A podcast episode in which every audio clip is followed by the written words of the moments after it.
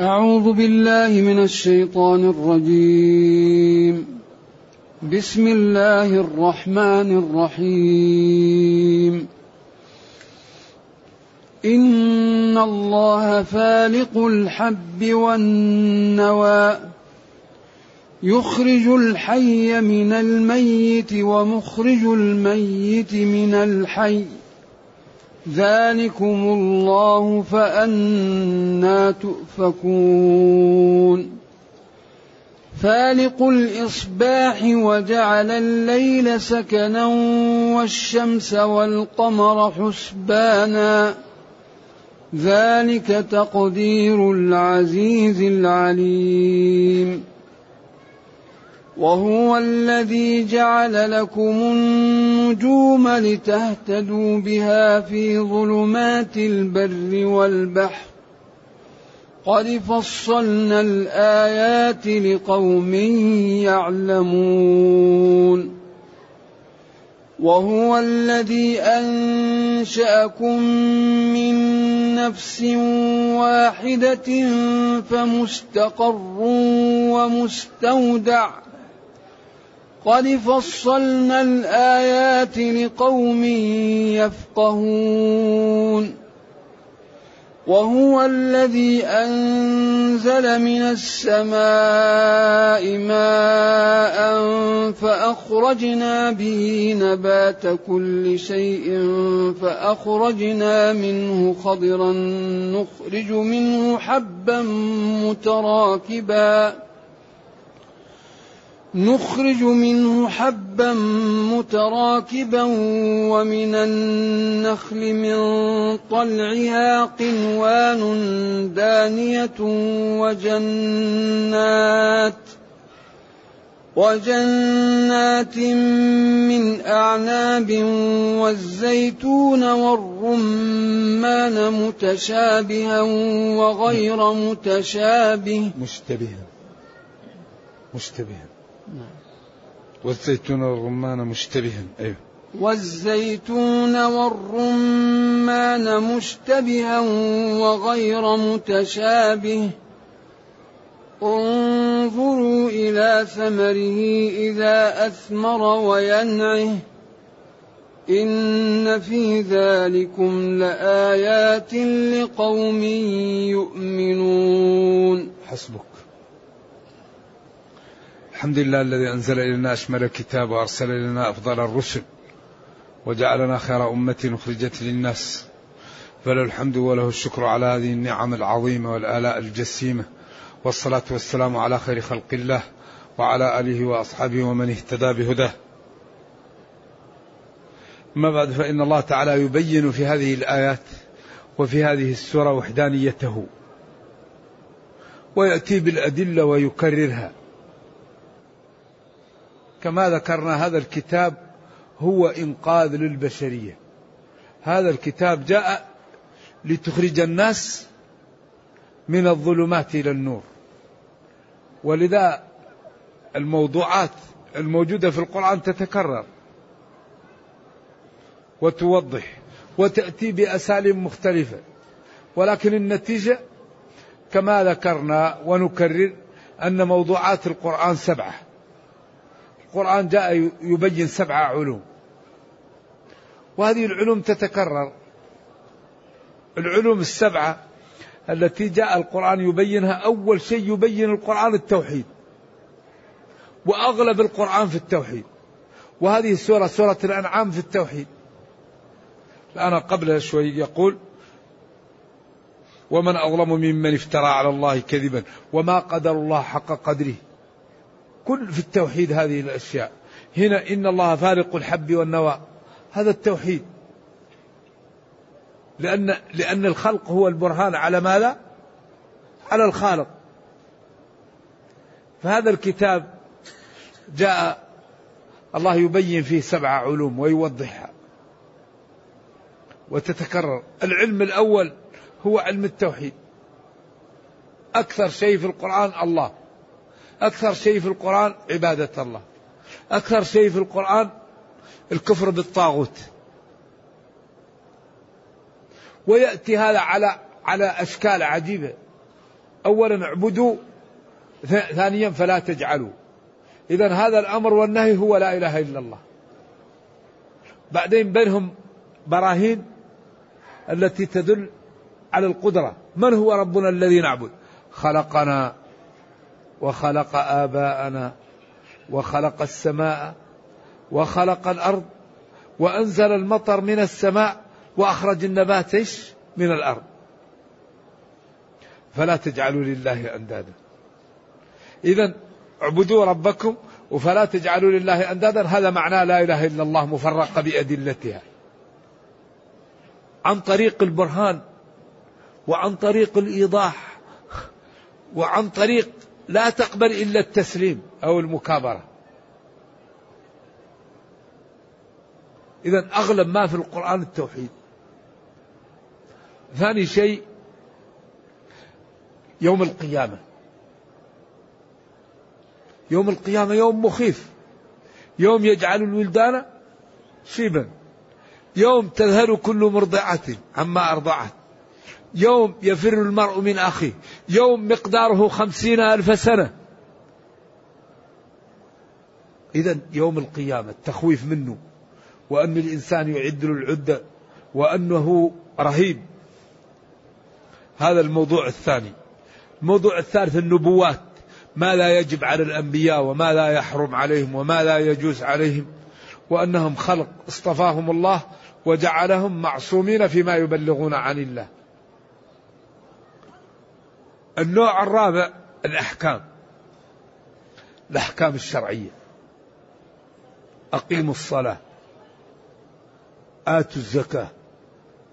آتوا حقه يوم حصاده. وبالوالدين إحسانا.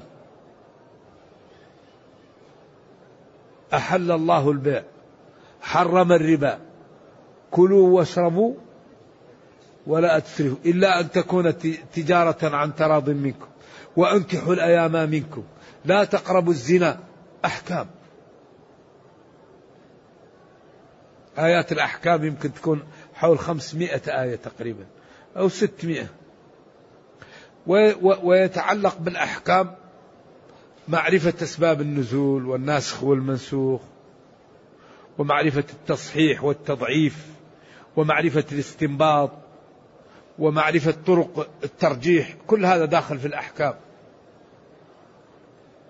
الموضوع الخامس هو إكرام المتقين عطاء غير مجدود فيها ما تشتهيه الأنفس.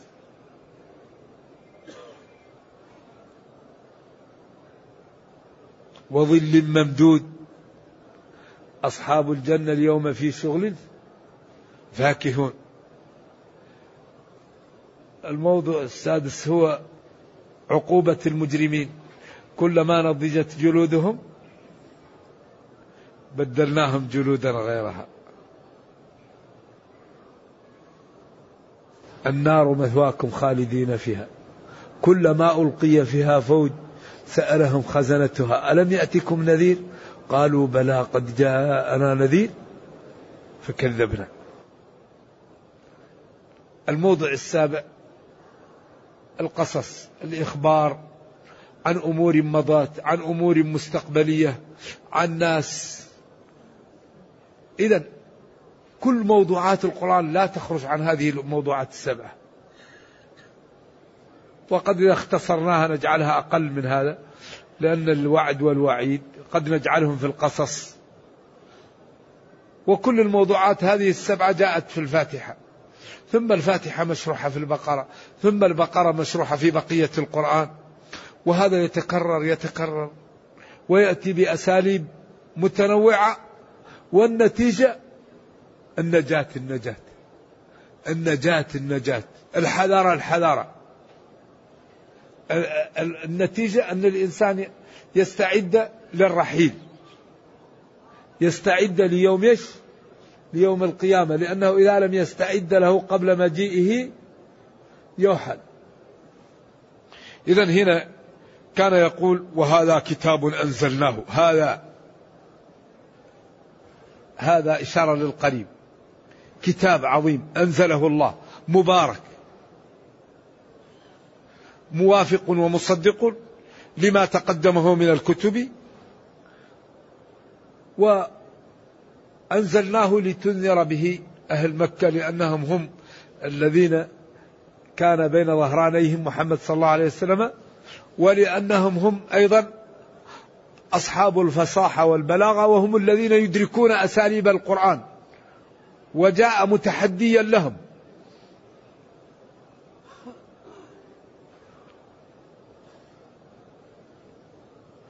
ومن حولها كل الخلق لأن كل الخلق حولها إما غربها وشرقها وجنوبها وشمالها وقلنا إن مكة في وسط الأرض.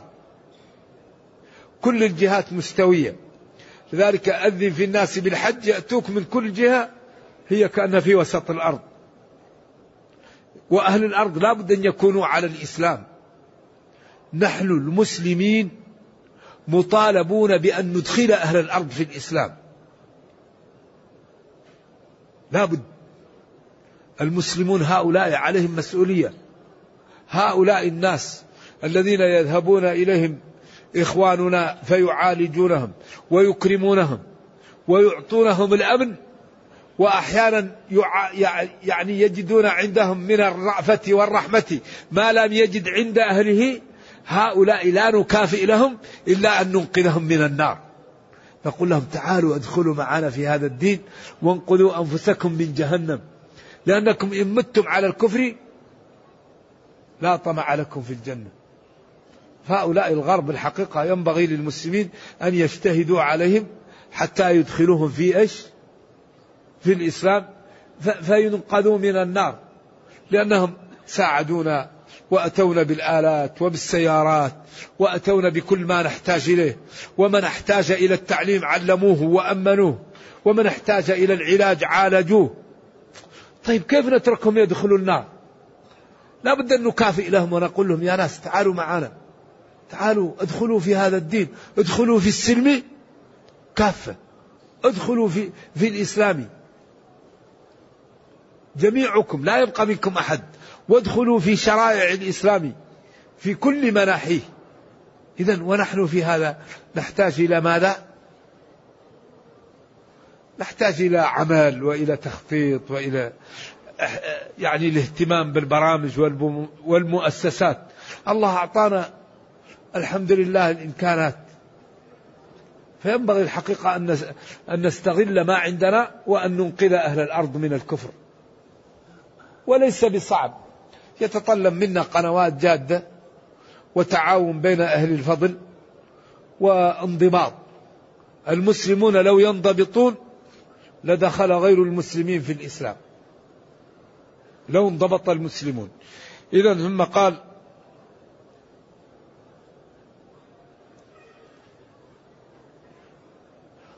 والذين يؤمنون بيوم القيامة يؤمنون بالنبي صلى الله عليه وسلم وبعدين وهم على صلاتهم يحافظون.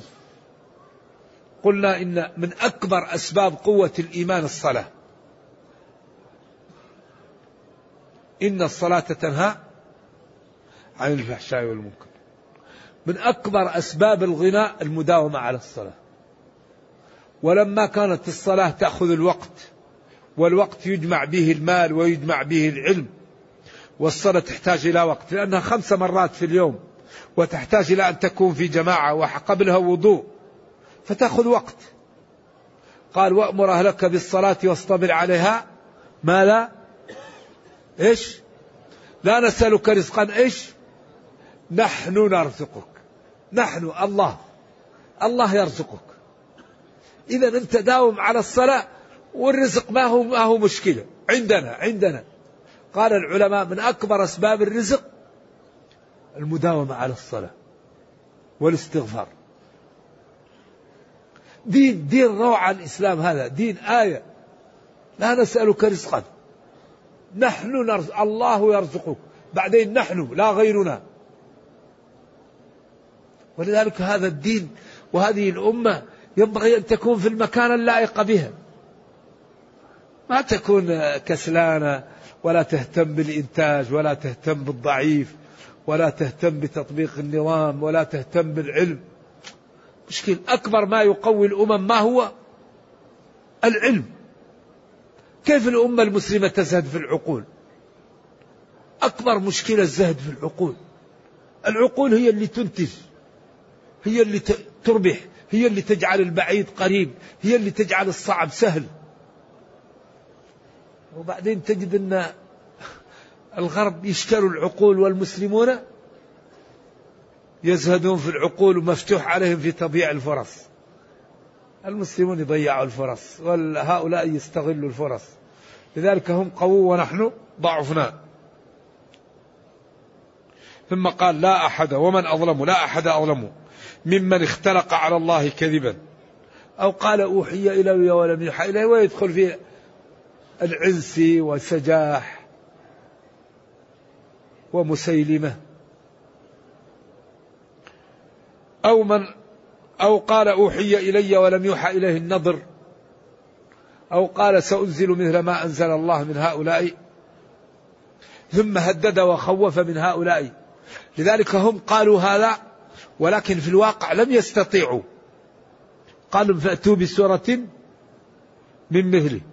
قالوا لو نشاء لقلنا مثل هذا. لكن ما قالوا. طيب لما لا يقولون؟ ما استطاعوا. كلام بس. لكن هذا الدين دين عجيب.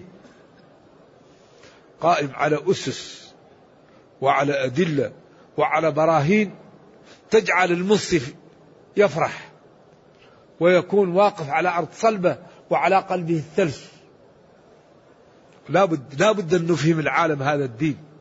لا بد أن تكون لنا آلية جادة لإنقاذ أهل الأرض من الكفر. الآن الأمور الوسائل سهلة. قبل الواحد يذهب شهر ليسأل عن حديث. يرحل من المدينة إلى العراق فوجد الشيخ انتقل للشام فيذهب إليه ليسأل عن حديث. الآن كل الكتب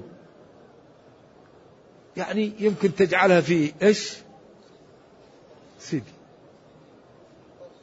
يمكن قرص يمكن كل العلماء في العالم عندك عناوينهم. وأي مشكلة تسأل لك يا فلان ما حكم كذا؟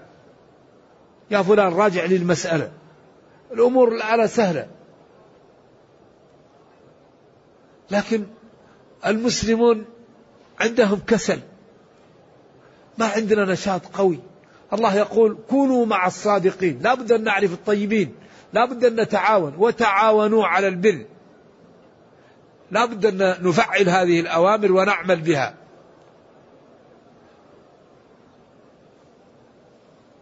ثم خوف هؤلاء الظالمون الذين يقولون ما تقدم ولو ترى يا نبي إذ الظالمون في غمرات الموت والملائكة يعني باسطوا أنفسهم إليهم لإخراج الروح يقولون لهم أخرجوا أنفسكم اليوم تجزون عذاب الهون. الهين والأليم بسبب ما كنتم تقولون على الله غير الحق وكنتم عن آياته تستكبرون تتكبرون عن قبول الحق وعن سماع الخير. ولقد والله لقد جئتمونا فرادا كل واحد الحال كما خلقناكم أول مرة وتركتم ما أعطيناكم من المال والولد والجاه وال... كل شيء وراء ظهوركم. وما نرى معكم أعوانكم وشفعاءكم الذين زعمتم أنهم فيكم شركاء من الأصنام والأنداد. لقد تقطع بينكم أي ما بينكم وصل ما بينكم وغاب عنكم ما كنتم تفترون. ثم برهن على هذا وبين أنه حقيق بأن ينفذ بقدرة الله. لأن إن الله فارق هذا برهان على ما تقدم. برهان على أنه يعاقب المجرمين وش؟ ويكرم المتقين. برهان على القدرة. مثال على القدرة الهائلة. لأن لا يوجد شيء مثل الخلق. إذا كل الخلق في القرآن هو دلالة على من؟ على الخالق. على القدرة. على أنه قادر على أن يعاقب من عصاه على أنه قادر على أن يكرم من أطاعه. فهو كالبرهان وكالنتيجة لعقوبة من عصى وإكرام من اتقى. إن الله لا غيره فارق الحب. الحبة إذا وضعتها في بذرتها تجدها تنقسم وتطلع منها ماذا؟ السنبلة أو تطلع منها المادة الخضراء ما لا يقال لها اللي هو العروق تطلع كذا ويطلع منها شيء تحت. من قال لهذا كن أبيض وانزل تحت ومن قال لهذا كن أخضر واطلع فوق. إن الله فارق الحب والنوى. هذه المادة اللي يخلق منها النخل النوى. تجد على ظهرها نقطة تأتي السعفة وتشقها وتطلع منها. ولذلك أكثر ما يستدل به في القرآن على الخالق هو إحياء الأرض بعد ما مات. لأننا نحن لم نرى أحدا مات إيش؟ وبعث. لكن رأينا الأرض كانت قاحلة فنزل عليها المطر إيش؟ ونبتت. قال وترى الأرض هامدة. فإذا أنزلنا عليها الماء اهتزت وربت وأنبتت من كل زوج بهيج ذلك بأن الله هو الحق وأنه يحيي الموتى. وقال كذلك النشور. قال كذلك تبعثون. كما أحيا الأرض. لذا هذا مثال حي. ولذلك بين في سورة الرعد لمن يعلل الخلق حتى يجعل الأمور خلقت هكذا. كيف النظر ينظر وكيف النبات ينبت وكيف هذا يكون أحمر وكيف هذا يكون أصفر وكيف هذا يكون جيد وكيف هذا يكون رديء. قال لهم وفي الأرض قطع متجاورات. لا تنسى قوله متجاورات لأن هذه متجاورات إعجاز. وقال وجنات. أيوة. من أعناب وزرع ونخيل صنوان وغير صنوان أو صنوان وغير صنوان تسقى أو يسقى بماء واحد. لا تنسى قوله يسقى بماء واحد. لأن هذا نوع من أخذهم بقولهم بما يقولونه بما يعللون به. قال متجاورات وقال تسقى بماء واحد. ثم قال ونفضل بعضها على بعض في الطعم في الأكل. نجعل بعضها مر وبعضها حلو. بعضها لا يستساغ وبعضها لذيذ. طيب من أين جاء التفضيل في الأكل؟ والأرض واحدة والماء واحد وحتما المناخ واحد. لأن إذا كانت الأرض متجاورة والماء واحد حتما المناخ واحد. وهذه الثلاثة هي المؤثرات. المؤثر في النبات يا الأرض يا الماء يا المناخ. حرارة وبرودة وضوء. وهو طيب من أين جاء التفضيل؟ ثم قال في نهاية الآيات إن في ذلك لآيات لقوم يعقلون. آيات وبراهين ودلالة على وحدانية الله لمن؟ لقوم يعقلون. هذه الآية كأنها نازلة سبحان الله في هذه الأيام. الذين طبعا الحمد لله آه، موجة الإلحاد الآن الحمد لله خفت عن عن أهل الأرض. لأنه في السبعينات والستينات كانت فيه موجة إلحادية في العالم عجيبة نرجو الله السلام والعافية. ولكن الآن أصبح الإلحاد غير مقبول. أنه يستحيل يستحيل هذا الكون يكون من غير خالق. استحيل أن تكون الرجل الذي جلس في المختبر 25 سنة. قال لهم أنا لا أعرف لكن أعرف أن المادة اللي يخلق منها في قوة هائلة تأمر عليها. قال لا أعرف إلا أن في قوة هائلة تقول كن رجلا كن فأرا كن جملا كن ثورا. قال هذه قوة هائلة تأمر. لذلك الله يقول فمن يخلق كمن لا يخلق. هذه القوة الخالق. قال هذه قوة هائلة. المادة هذه في قوة تأمر عليها. هذا كن فيل كن فأر كن صرصارا كن جملا كن رجلا. قال هذه قوة تأمر على هذه المادة. ذلك انظروا إلى ثمره إذا أثمر وينعي ثمره عند البداية. كيف كان؟ وكيف تطور؟ وكيف تطور؟ ثم كيف ينعو ونضج والنفع به؟ ذلك قال إن الله لا غيره فارق الحب والنوى. من يستطيع أن يفرقها؟ يقول بعضها أنزل تحت وبعضها أطلع فوق. لو اجتمع أهل الأرض لا يستطيعون أبدا. ذلك الله يقول أفمن يخلق؟ كمن لا يخلق. ويقول يخلقكم في بطون أمهاتكم خلقا من بعد خلق في ظلمات ثلاث. ظلمة الرحم وظلمة البطن وظلمة المشيمة. شوف الأظفار. شدد الأصابع بالأظفار وجعل الإبهام بعيد.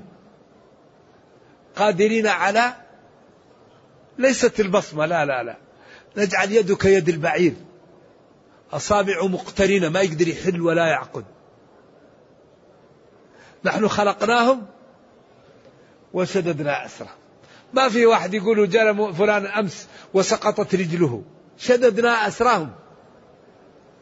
والله مسكين فلان البارح نام وسقطت أذنه. ما في. شددنا أسرهم. الكرش الضعيفة شوف هذه اللينة الأعين حارستها شوف. الظهر لأن ما عنده عيون خلاه قوي. عين عذبة تجم لك على قدر الحاجة ولحمة تتحرك لك وتبين لك ما في صدرك. علمه البيان. لو تنشف هذه العين ما يمكن تبلع ريقك. تجم لك على قدر الحاجة.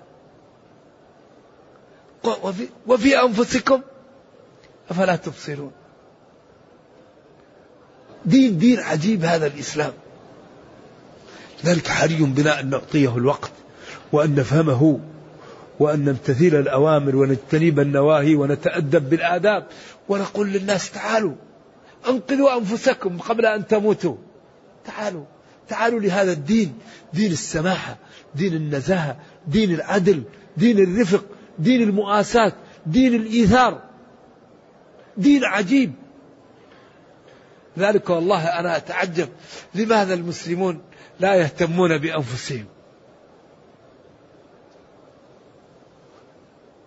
إن الله جل وعلا لا غيره فارق قاسم الحب من الحنطة والشعير والدخن والنوى ومن غيرها من البذر. يخرج الحي من الميت ومخرج الميت من الحي.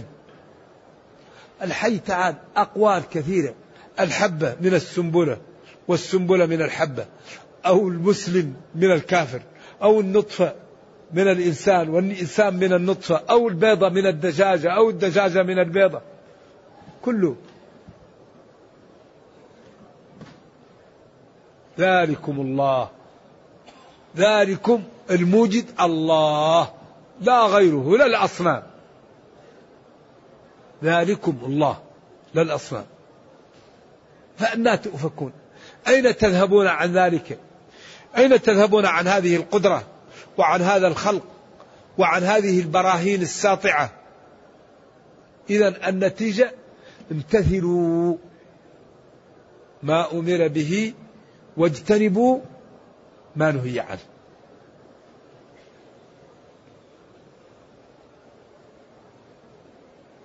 فارق الإصباح. فارق. الإصباح هو يعني نور الفجر. فكأنك إذا رأيته زي المأخوذ له سكين ومشقوق شوفوا أولا زي ذنب السرحان. كذا ماشي طويل. كأنك أخذت سكين وشققت بها الظلام. فلقوا. شوف الإصباح يأتي. ثم يأتي يزيد يزيد.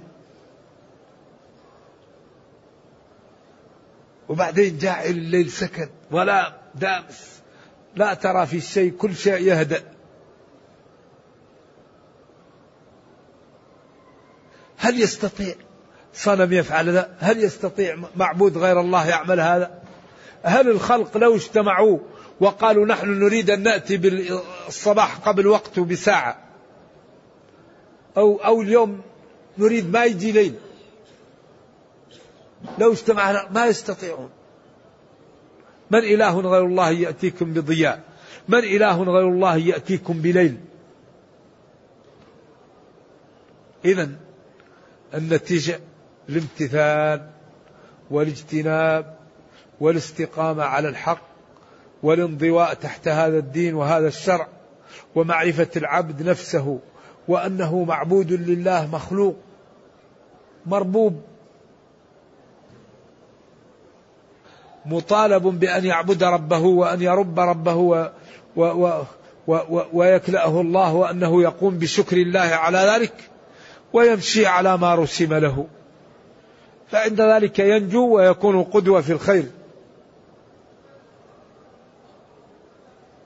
والشمس والقمر حسبانا.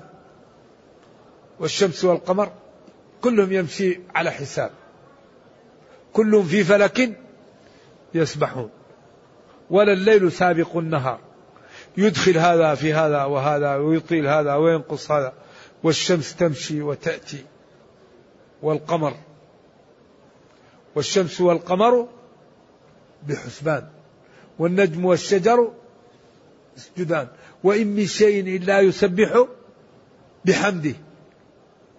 ولكن لا ولكن لا تفقهون السبحان ولله يسجد من في السماوات والأرض طوعا وكرها.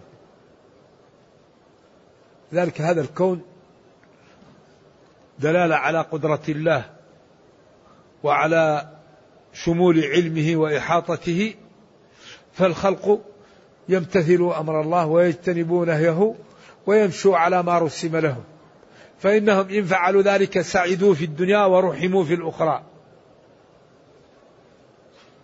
وأعطيت لهم الأدلة والبراهين على ذلك. ذلك تقدير العزيز العليم العزيز الغالب العليم الذي لا تخفى عليه خافية. فلذلك قدر هذا الكون بقدرته بعزته. يقول لليل أتي للنهار أتي للشمس أجري للقمر أفعل. أمره إذا أراد شيئا تقدير العزيز الغالب هو الذي سخر هذا الكون. العليم بمصالح البشر. وبالتدبير لهم. فلذلك قدر هذا الكون وعمله وبينه بما ترون ليظهر بذلك قدرته فيستقيم من أراد له الاستقامة. وهو الذي جعل لكم النجوم لتهتدوا بها في ظلمات البر والبحر. هو الله. جعل خلق وصير النجوم لتهتدوا بها في ظلمات البر والبحر. إذا جاء الظلام في الليل في الصحراء أو في البحر لولا الله ثم النجوم. لا يمكن واحد يدري أين يذهب. لكن إذا رأى النجوم كل شيء يعرف بالنجوم. ولذلك جعل القطب الشمالي هذا طول الزمن في محله. كم من سفينة وطائرة ومن يعني مسافر لو لم يجدوا هذا النجم لهلكوا في ظلمات البر والبحر. قد حرف تحقيق. فصلنا وضحنا الآيات البراهين والحجج على قدرتنا وعلى إلهيتنا وعلى أننا نحن الذين أوجدنا هذا الكون ونستحق العبادة. قد وضحنا الآيات وبيناها لمن؟ لقوم يفقهون يفهمون و و و, و ويستنبطون و ويدركون لأن الفقه هو الفهم.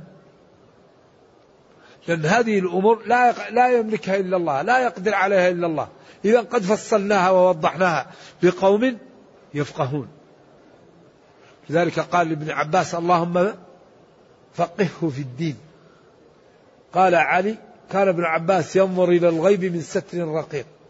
وقال لآل علي لا تذهبوا للعراق. أنتم لكم النبوة. لا تذهبوا. ومعاوية ولي عثمان. والله قال ومن قتل مظلوما فقد جعلنا لوليه سلطانا. فلا تذهبوا إلى العراق. قال كأنه ينظر إلى الغيب من ستر رقيق. قال عثمان قتل مظلوم. ومعاوية من أوليائه. والله يقول ومن قتل مظلوما فقد جعلنا لوليه سلطان. لا تذهبوا إلى العراق. رضي الله عن الجميع. فقال علي لابن عباس كأنه ينظر إلى الغيب من ستر رقيق. قال اللهم فقهه في الدين وعلمه التأويل. وهو الله الذي أنزل من السماء ماء. فأخرجنا به نبات كل شيء. فأخرجنا منه خضرا. أيوة. يعني زرع خضر. نخرج من ذلك الزرع حبا متراكب فوق بعض. ومن طلعها طلع النخيل. قنوان صغير دانية قريبة. وجنات من أعناب. والزيتون والرمان مشتبها وغير متشابه. مشتبه في الطعم. غير متشابه في الألوان أو مشتبه في الألوان غير متشابه في الطعم. انظروا إلى ثمره إذا أثمر وانظروا إلى ينعه وكيف الأطوار التي مر بها وأنها لا يقدر عليها إلا من؟ إلا الله. فامتثلوا الأوامر واجتنبوا النواهي. إن في ذلكم المتقدم لآيات لقوم يؤمنون. يستسلمون ويصدقون بما جاءهم من دينهم فيمتثلون فينجون. والحقيقة أن هذه الآيات أو هذه السورة كلها تبين التوحيد وما لا ينبغي أن يسلك المسلم وكيف يبتعد عن الأوثان وعن المعاصي وعن الكفر. نرجو الله جل وعلا أن يرينا الحق حقا ويرزقنا اتباعه. وأن يرينا الباطل باطلا ويرزقنا اجتنابه وأن لا يجعل الأمر ملتبسا علينا فنضل. اللهم ربنا أتنا في الدنيا حسنة وفي الآخرة حسنة وقنا عذاب النار. سبحان ربك رب العزة عما يصفون وسلام على المرسلين والحمد لله رب العالمين. والسلام عليكم ورحمة الله وبركاته. يقول هل يجوز إعطاء الزكاة لطالب علم يريد الزواج علما بأن أباه ميسور الحال لكنه لا يدري أنه مكلف شرعا بتزويج ابنه. عند المالكية ليس مكلف الوالد بتزويج ابنه إذا بلغ. إذا بلغ كل واحد يقوم بنفسه. لكن نعم إذا كان فقير يجوز أن يعطى ليتزوج أو لينفق. نعم الفقير يعطى له من الزكاة. إنما الصدقات سواء كانوا يريدون الزواج أو يريدون غير ذلك. الفقير يعطى من الزكاة. وإذا كان قريبا فهي صدقة وصلة رحم. ما حكم التسبيح باستخدام المسبحة؟ طيب إيش رأيكم؟ ما حكمه مسبحة مفعلة من السبح. من اسم ما كثر اسم الأرض مسبعة مفعلة. آلة يسبح فيها فمن أخذ المسبحة وقال إنها سنة وأراد أن يجعلها سنة ابتدع ومن أخذها أنها آلة يعد فيها العد الأمر سهل. إذا المسبحة تتمايز بماذا؟ بالنية. لكن هل كان النبي صلى الله عليه وسلم عنده سبحة؟ هل كان أبو بكر عنده سبحة؟ هل كان عمر عنده سبحة؟ عثمان علي هل مر بكم أن الإمام أحمد أو مالك أو أبو حنيفة أو الشافعي كانت لهم سبح؟ مالك ما لا يقول. يقول لن يصلح آخر هذه الأمة إيش؟ إلا ما صلح بأول بعدين عندك يد هنا تعد عشرة. واحد إلى عشرة. هنا تعد العشرات. وما أعرف أن ثبت أنه يعد أكثر من مئة. من قال سبحان الله وبحمده مئة مرة. مر بكم في الأحاديث أكثر من مئة؟ مر بكم مرفوع. في الأعداد في, في أكثر من مئة؟ طيب هذا تعد فيه الآحاد وهذا تعد فيه كم؟ العشرات. بعدين أصبعك يأتي يوم القيامة لها إيش؟ لها نور. لكن من كان ضعيف في الحساب أو أراد آلة يعد فيها وأعرف أن هذه أمر جائز الأمر سهل. بعدين لا نعمل من الحبة إيش؟ نعمل من شيء عادي نعمل نكبر ونجعل كل شيء الولاء والبراء في السبحة. لا لا هذه أمور آلة من عملها للجواز سهل. لكن لا تعملها أنها السنة وأن اللي ما عنده سبحة هذا أنه إيش؟ أنه ابتدع يكون هو ابتدع بهذا. أيوة بعض الناس إذا ما رأك عندك سبحة معناها أنت فيك شيء. وبعض الناس إذا رأك عندك سبحة أنت فيك شيء. الأمر سهل. أربع ركعات قبل الظهر وأربع ركعات بعدها. هذه من السنن لكن الرواتب أظنها ركعتين بعد قبل الظهر وركعتين بعده. هذه من الرواتب ال 12 لكن هذه أيضا واردة وحادثة جيدة. يقول هل المقصود بحديث الصلاة في مسجدي بألف صلاة هل هو على عموم الصلاة أو الفرض فقط أو الفرض والسنة معا؟ هذا اختلف فيه العلماء. وليس في حل نهائي. والذي أراه حسب النصوص أن النافلة في البيوت أفضل. يا لا تضاعف في المساجد أو إن ضيعفت في المساجد فهي في البيوت أفضل. لأن النبي صلى الله عليه وسلم قال صلوا في بيوتكم فإن صلاة المرء في بيته أفضل. إيش؟ إلا المكتوبة المكتوبة المفروضة. وقال لا تجعلوا بيوتكم قبورا. وعمر قال والتي تنامون عنها أفضل لما جمعهم على التراويح. قال والتي تنامون عنها أفضل يعني وهي صلاة آخر الليل في البيوت. إذا صلاة النافلة في البيوت أفضل. يا لا تضاعف في المساجد. أو تضاعف في المساجد فهي في البيت أكثر مضاعفة. ولأن غير الواجب ستره أفضل. كل شيء غير واجب ستره أفضل. إلا لأصحاب العلم والفضل ليكونوا قدوة للناس.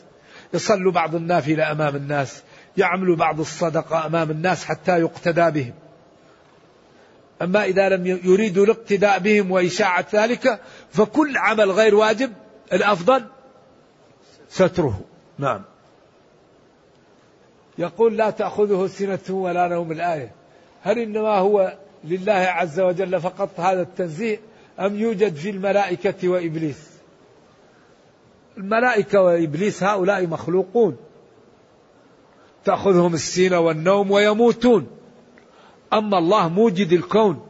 فهو القائم. أمن هو قائم على كل نفس بما كسبت. يرفع ويخفض ويعز ويذل ويميت ويحيي. قل اللهم مالك الملك. تؤتي الملك من تشاء وتنزع الملك ممن تشاء وتعز من تشاء وتذل من تشاء بيدك الخير. إنك على كل شيء قدير. تولج الليل في النهار وتولج النهار في الليل وتخرج الحي من الميت إلى آخره. هذا لا يكون إلا لله. أما الخلق فعاجزون. ما أصل إبليس؟ هل من الملائكة أو من الجن؟ إشكال لا يزول أبدا. لأن من العلماء من قال هو من الجن. وأنه فسق. وأنه ليس من الملائكة. وهذا اختيار الوالد في أضواء البيان. وقال كان من الجن ففسق عن ربه. ابن كثير وابن جرير قالوا الجن صنف من الملائكة. وجعلوا بينه وبين الجنة نسبا صنف من الملائكة. وأصابه العجب فطرده الله من الجنة. وقال الوالد رحمة الله عليه أنه قال أن الملائكة لا يعصون الله ما أمرهم ويفعلون ما يؤمرون وقيل إنه صحب الملائكة وصار معهم والمسألة غير محلولة. ولطالب العلم أن يرجع إلى الأقوال ويختار ما يحلو له ويرفق بالمخالف.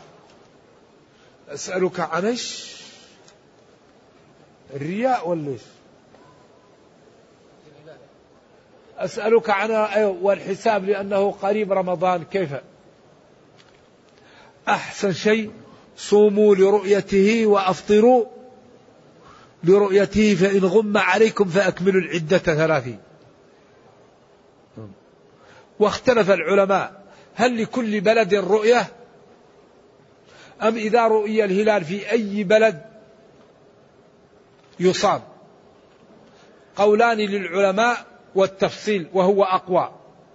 بعضهم قال لكل بلد رؤيته وهذا حديث كريب. لما أرسلته إحدى أمهات المؤمنين لمعاوية في الشام ورأوا الهلال ليلة السبت وليلة الجمعة وأهل المدينة رأوه ليلة السبت. فقال ابن عباس نحن لا نزال إيش نصوم حتى نراه. ولذلك قال بعضهم لكل بلد رؤيته. وبعضهم قال إذا رؤي الهلال في أي بلد ينبغي أن يصام ويفطر.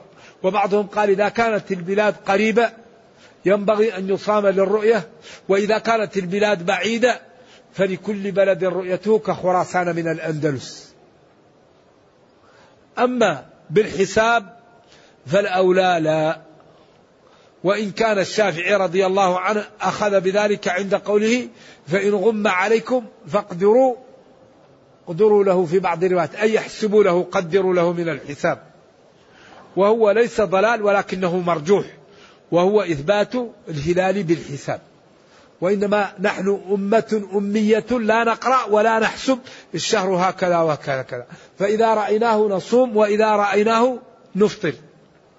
وينبغي للإنسان أن يصوم ويفطر في المكان بصوم المكان الذي هو فيه. فإذا رؤي في المكان الذي هو فيه صام وإذا رؤي في المكان الذي هو فيه إيش؟ أفطر. هذا هو الأولى. والله أعلم. هل القرآن نزل بلغة قريش؟ لا. القرآن نزل بلغة العرب. فيه من كل لغات العرب. ولكن أغلب فيه لغة قريش. وما معنى إن القرآن أنزل على سبع لغات؟ على سبعة أحرف.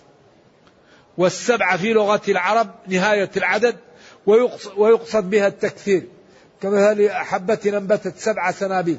إن تغفر لهم سبعين مرة إن تستغفر لهم سبعين مرة. فسبعة نهاية العدد وهي تدل على التكثير وهذا الحديث فيه إشكال. ومن أراد أن يوضح الإشكال فلينظر في تأويل مشكل القرآن لابن قتيبة ومقدمة النشر لابن, لابن الجزاري فقد تكلموا على هذا ووضحوه. يقول نريد أفضل طبعة لكتاب الشيخ الأمير رحمة الله عليه أضواء البيان. هذا أقول أقل طبعة أخطاء يمكن عالم الكتب. يقول نرى بعض الناس لا يحرك إصبع إصبعه أو إصبعه. يمكن ما يخطئ فيها مهلة. بل يضعون أيديهم فوق ركبهم ولا يحركونها. فهل من نصيحة؟ أيوة هذا بعض المذاهب لا يحرك إلا عند أشهد أن لا إله إلا الله. ولما جاءهم إمام يحرك الإصبع فقطعوا له إصبعه. لأنه قال هذه حركة كثيرة في الصلاة. وفي السنن يحرك والمضارع يدل على التجدد والحدوث يحرك. فينبغي يحرك وهل يحرك هكذا أو هكذا أو هكذا؟ مناطها مختلف فيه. وينبغي أن يحرك أصبعه والأمر سهل في هذا. نرجو الله لي ولكم التوفيق. نكتفي بهذا.